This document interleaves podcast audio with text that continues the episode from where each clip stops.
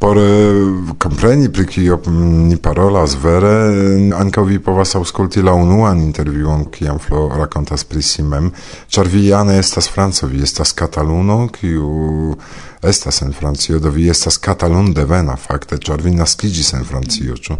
Yes, uh, do mi nascigis en Francio, sed uh, miai gepatroi uh, igis francoj, char en iu momento ili comprenis che ili neniam revenus en Hispanio sub tiui condicioi, cune, char post la milito, post la perdo de la fascisto, de la nazioi, eh, neniu forigis Franco. Do la celo estis giuste ciam oni eh, forfinis la fascisto en, en Italio kai um, Germanio, oni pensis che eh, anca tio casus al Hispanio, sed tio ne okazis eh, Franco restis estis poste interrilato inter la registaro franca kaj eh, angla kaj eh, usona kun Hispanio kaj do tio estis finita do ni ĉiuj komprenis ke tie restus tie longe.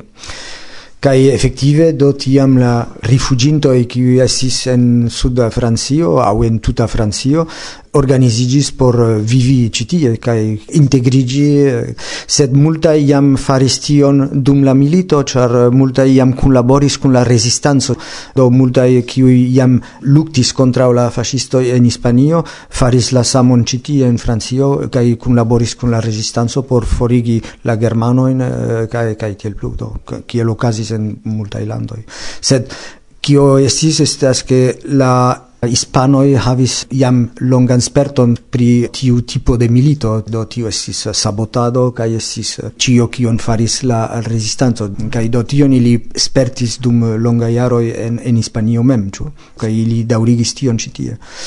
Pro tio ancao estis multai homoi qui preferis iri al laborkompanioj por giuste eniri en la resistanzo. Kai exemple en Cantal estis grupoj eh, en kie laboris mia patro, kiu ankaŭ tamen estante en tiuj laborbrigadoj povus eh, ia maniere collabori con la resistanza cioè estis facile por catalunoi adaptigi in francio radicigi fakte kiel franzo iam Do facte multa restis juste en la sudo de Francio, char la homoi en tiu periodo ankaŭ multe pli ol nun tempe parolis la occitanan. Do ciam vi irias extere en la vilaĝoj, ancora ankoraŭ o povas paroli la occitanan.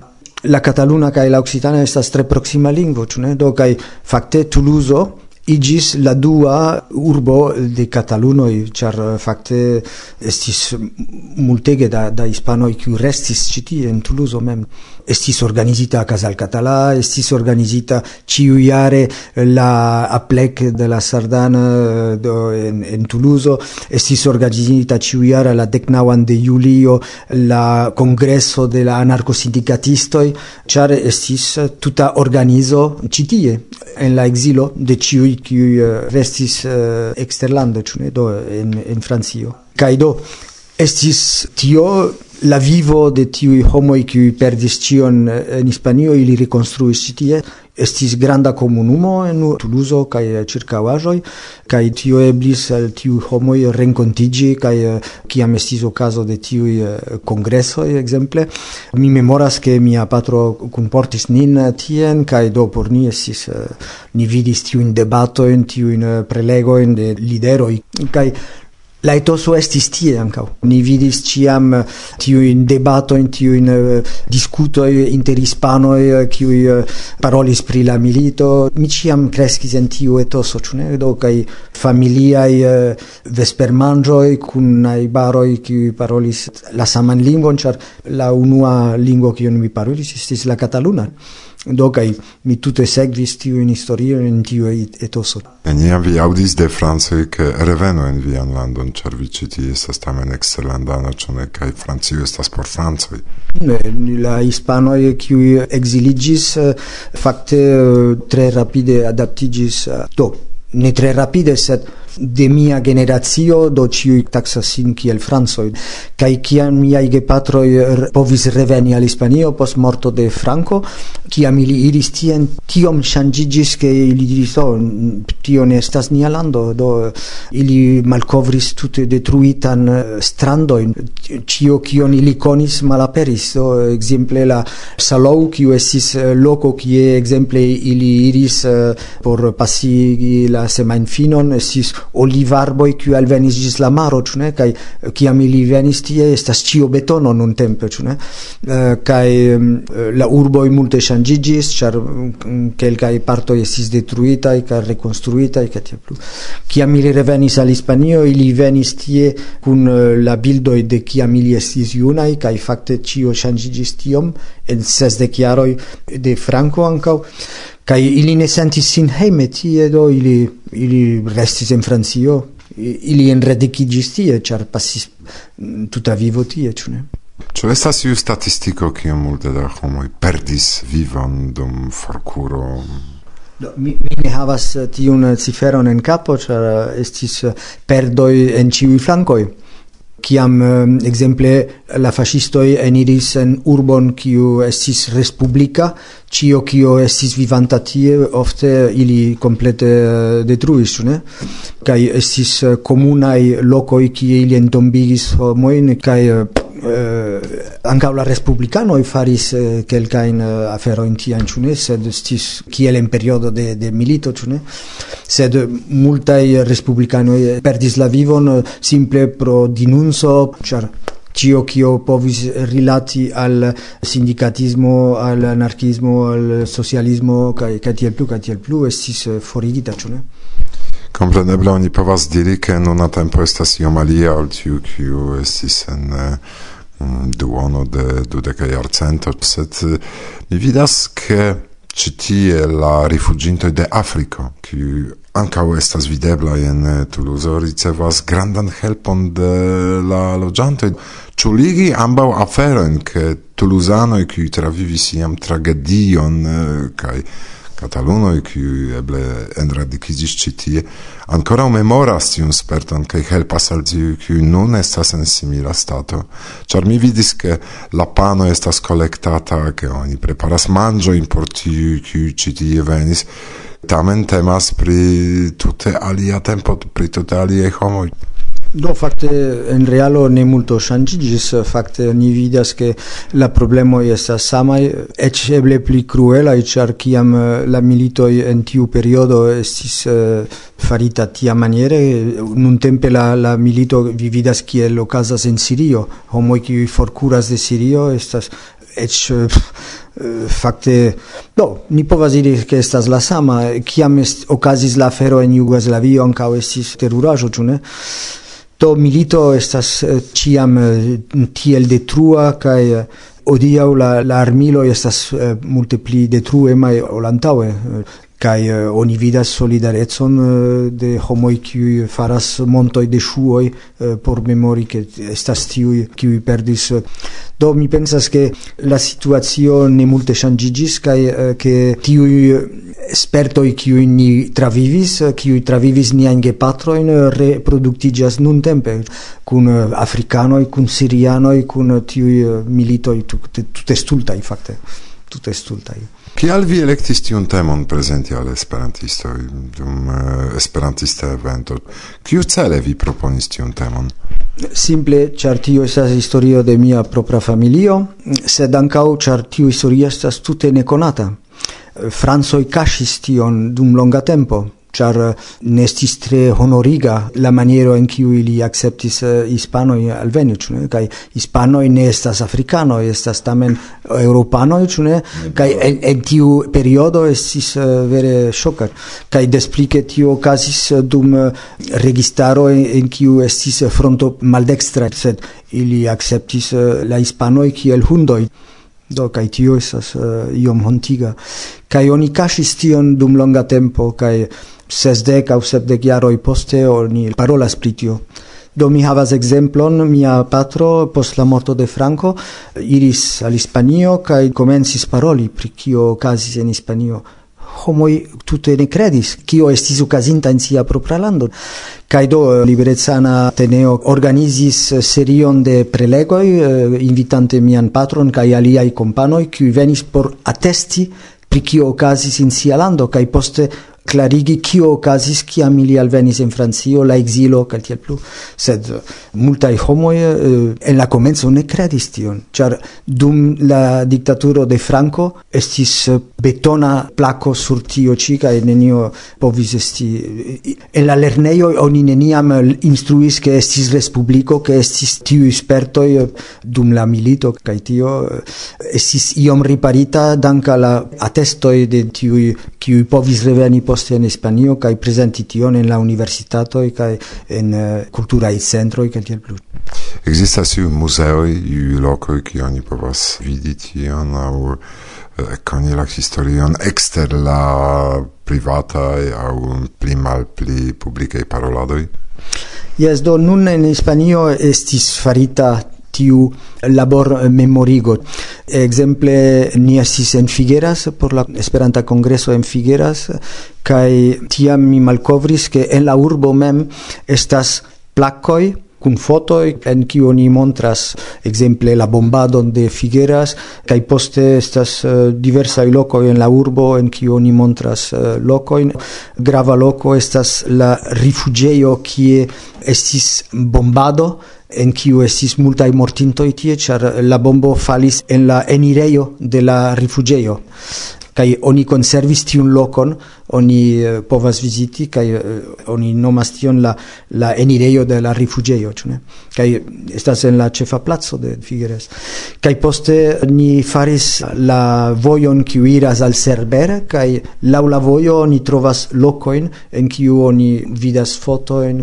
Estas la vojo de la retirada oni diras ĉar la retiriĝo estas la retirada en la kataluna. Kai do laŭ la vojo de la retirada oni povas vidi quindi en Cerber sed ancao en Pertus. Kai de kie vi prenis fotojn, ĉar via prelego estis plenplena de fotoj? Uh, tio estas historio sufiĉe amusa. Iam mia patro diris ni dankal iu uh, jurnalisto successis havi uh, stokon de, de fotoi Do iam li venis kun kompano, kun valizo kaj li diris ĉu vi povas helpi nin por uh, fari kopion de tiu fotoj kaj do fakte estis amaso da fotoj kaj mi simple prenis mian fotilon kaj fotis tiujn fotojn. Kaj tio estas fotoj kiuj mi mem fotis de tiuj fotoj sed tiuj fotoj venas de meksika valizo de capa Eh, capa estis giornalisto kiu kovris la evento en Hispanio kaj mm, do multaj fotoj tiu estis eh, poste kopiitaj kaj nuntempe oni povas vidi tiun fotojn en ekspozicio en eh, Bram. Bram estas loko kie estis ankaŭ koncentrejo tie. Kaj ankaŭ estis grava documenta filmo farita de la amatoroi qui filmis la retirada tion kion vi prezentis. Yes, kai estas la mm, amatoraj filmistoi de Lengvedoco Rusiliono, kiu kunigis tiun uh, materialon de privatuloi kai aliai kiu filmis en tiu periodo uh, kaj faris tutan sufiĉe longan filmon en kiu oni montras la transiron de la landimo uh, de la tago kiam oni malfermis ĝis du aŭ tri semajnoj kai oni vidas passi la civililoin poste oni vidas passi brigadistoin, ankaŭ soldatoin kaj tiel plu tiu filmo estas atingebla rete? Yes, eh, vi trovas ĝin en la ligo kiun mi donas. yes. La titolo estas eh, Exilo de unu popolo. Kaj kiu komponis muzikon, ĉar tiu muziko estis vere bona. Mi ne scias, estas akordeonisto kiu ludas diversajn eh, muzikojn de la hispana milito, sed la filmo estas muta, kelkaj uh, inscribaĵoj uh, klarigas uh, la tagon kaj kio estas okazanta.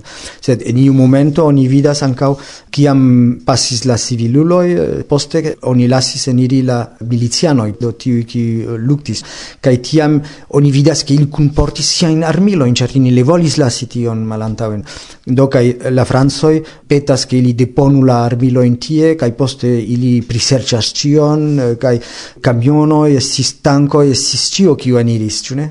Ĉiuj kiuj povis forpreni ĉion ili alportis al Francio kai estis uh, granda campo uh, apud uh, Le Pertus kai Bourg-Madame en kiu oni parkis uh, ĉiu tiun materialon kiu restis al, al Francio. Do estis aŭtoj uh, kaj uh, diversaj armiloj tankoj kai uh, kanonoj kai tiel plu. Konkludoj do concludo estas ke facte mi demandas min ĉu uh, tiuj spertoj kiuj estas tamen uh, unu el la unuaj uh, antaŭ la dua mondmilito. Ŝajnas ke tio utilas al nenio ĉar ni revidas nuntempe la samon. Kiam oni vidas kio okazas en Sirio kun la sirianoj kun Bashar al-Assad kun la kurdoj kel tiel plu oni diras fek ni ni revivas la, ekzakte la samon ĉu estas terura? Do kaj al kio utilas eh, oni vidas ke homo en tiu periodo en 39 eh, suferis eh, kai ni vidas ke hodiau en 2000 2010 estas la samo kai En tiu periodo estis ducent kvindek mil homoj kiuj pasis dum tri semajnoj kiom da sirianoj venas. Estas pli ol miliono kiu forfuĝas en tuta Eŭropo kaj ni trovas la samajn problemojn. Do la homoj estas malakceptitaj, estas rifuzo en multaj landoj, oni ne volas akcepti tiujn. Do homoj devas esti solidaraj kaj akcepti kaj ni estas uh, okdek jarojn poste, do ni ni marĉas sur la kapon. Do ni obscultas vere vivan historion kiu okazis kaj daŭras ĝis nun. Esperu ni ke inter esperantistoj ne okazus tiuj aferoj ke tamen ni kiu havas komunan lingvon kaj estas de la tuta mondo ĉie ne konfliktiĝos, do ne estos unu contra la alia, porque ni, almena ni, estu tiuj homoj qui estas kleraj, Inter alie auscultante tiun historien pri mm. kiu rakontas vi, koran danko, Flo pro vere pasia racconto pri historio kiun mi tute ne konis kaj estis plezuro partopreni vian prelegon kaj aŭdi pri tio. Yes, dankon al vi kaj soliton al ĉiuj do kaj vivu pacon, ĉu ne, ĉu por ĉiuj.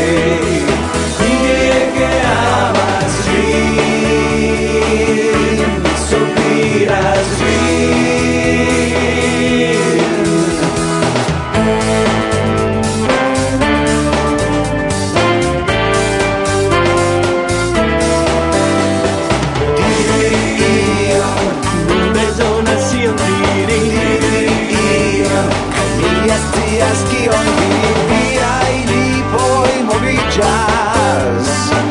Altigas min dolĉe son. Mi sentas min en la ĉielo Vi venos al mia dom Mi volas diri ion Mi bezonas ion diri. Diri ion Kaj mi scias kion vi Tiam la sensoj vekis perfectas la divina, cae tu novaras la verdad.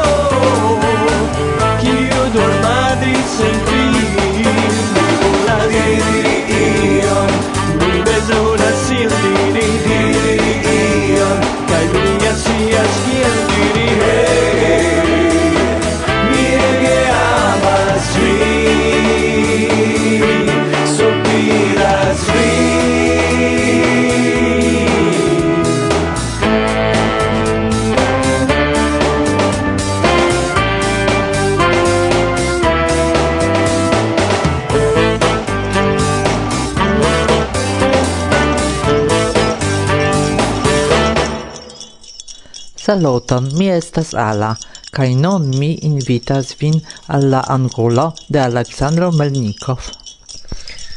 Do, nun mi parolos pri la efekto mele kalikimaki.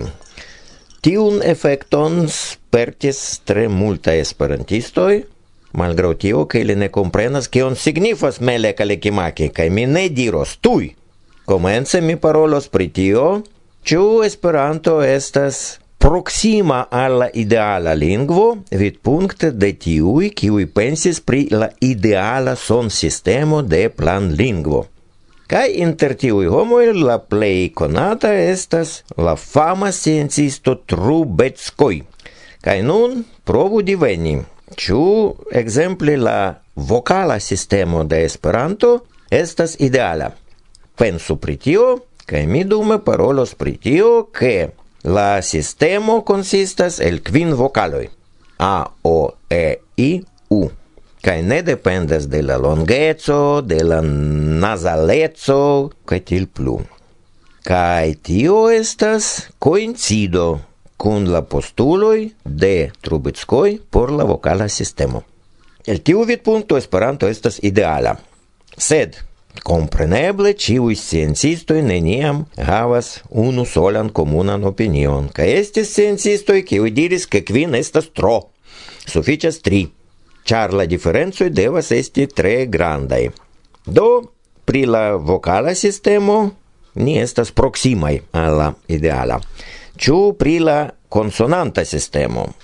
Compreneble ne, char kiun principon aplicis Trubetskoi. Li volis forigi cion, Kio estas malfacila por homoj, kies gepatra lingvo estas alia ol Esperanto. Existas tiu imago. Do, eh, rezulte, en tiu lingvo ne devas esti diferencoj voĉa sen voĉa konsonanto. T kaj D aŭ P kaj B devas esti unu sola fonemo. Estis ancao aliai postuloi kaj resulte en la ideala son sistemo devus resti nur p t k m n s l kaj duon vocaloi j kaj u. Ne multe. Nu, mi supposas che multai homoi gioius, char exemple ne estos differenzo inter l kaj r, qui turmentas la cinoin kaj la epanoin. Mi kiel ruso ĉiam rememoras tiun vorton japanan renin ŝuge proksimume. La japanoj fermo ŝtopu la orelojn, sed mi legis tiel renin ŝuge, kio signifas leninismo. Kaj rusoj ne rekonas tiun vorton, kompreneble. Kaj do, ĉu estas bone aŭ malbone, ke la kvanto de la konsonantoj en Esperanto superas tiun idealan? Mi ne donos al vi multe da tempo por pensi, Tio estas bona kaj malbona. Eble mi reveno al tiu efekto mele kalikimaki. Mele kalikimaki estas tiu maniero en kiu Hawaii lingvai homoj prononcas Merry Christmas. Kion mi celas per tio? En Esperanto la vortoj devas esti rekoneblaj. Sed se la kvanto de la fonemoj estas tre limigita, oni simple ne rekonas, kiel vi verŝajne ne rekonis en Mele Kalekimaki Merry Christmas. En Esperanto pli gravas ĝuste tiu rekonebleco ol idealeco de la sistemo. Kaj tio estas praktike mi opinias bona. En Esperanto ni povas aŭdi diversajn deflankiĝojn de la normo, ekzemple La sama japanoi ili ne parolas Esperante, ili parolas Esperante, char en la japana lingvo ne eblas ke du konsonantoj estu kune. En Esperanto tio ekzistas, estas eĉ kelkaj sufiĉe malfacile pronoceblaj vortoj. Konkludo: Esperanto devis elekti inter ide ala sistemo kai inter praktike uzebla sistemo. Kai Esperanto elektis pli praktike uzeblan ol la idealan. Estas stil havu bonan nokton matenon tagon kai ĉion.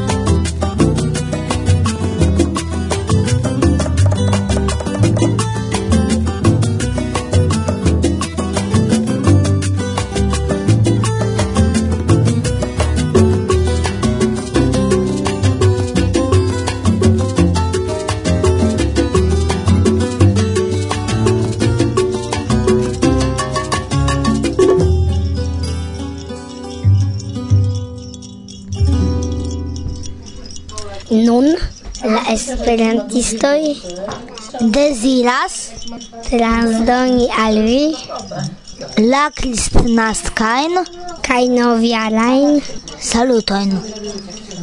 Bonvolu. Eh, saluton Alina Moser, salutas ĉiuj je la nomo de Varsovia filio de Pola Esperanto Asocio. Mi deziras al ĉiuj eh, sanan kaj pacan feston kaj feliĉan prosperan novan jaron do mi deziras al vi, ke vi estu feliĉaj salvia Eh, saluton mi deziras eh, bonan en novan jaron. Kaj ne forgesu redakti Wikipedion. Okay. Ai, in orde mi estas pran, mi, mi desiras transdoni al eh, uh, ciuin feliciain uh, eh, ferioin, kai Merry Christmas, everybody! Cion plej bonan por nova jaro de mi, de Łukasz. Natalia. Anusz. Cion plej bongustan el kuirejo, on cion plej bongustan de kuirejo, post la nia belega kaj bongustega renkontiĝo. Kaj bedaŭro ke vi ne venis? Mm. Cion la plenbi bonan por la tuta mondo. Artusia. Yes, saluton. Tutaj. Mi deziras cion la plej bonan al ĉiuj gaŭskultantoj dum kristnasko uh, uh, kaj uh, novjara balo. Parolis Tomek? Nome de nia redakcio de Varsovia Vento mi deziras transdoni al vi salutojn kaj restu ĉiam. Kun Varsovia Vento. Bla bla bla. Kaj jen tio, kion hodiaŭ ni preparis por vi. Ĝis! Ĝis!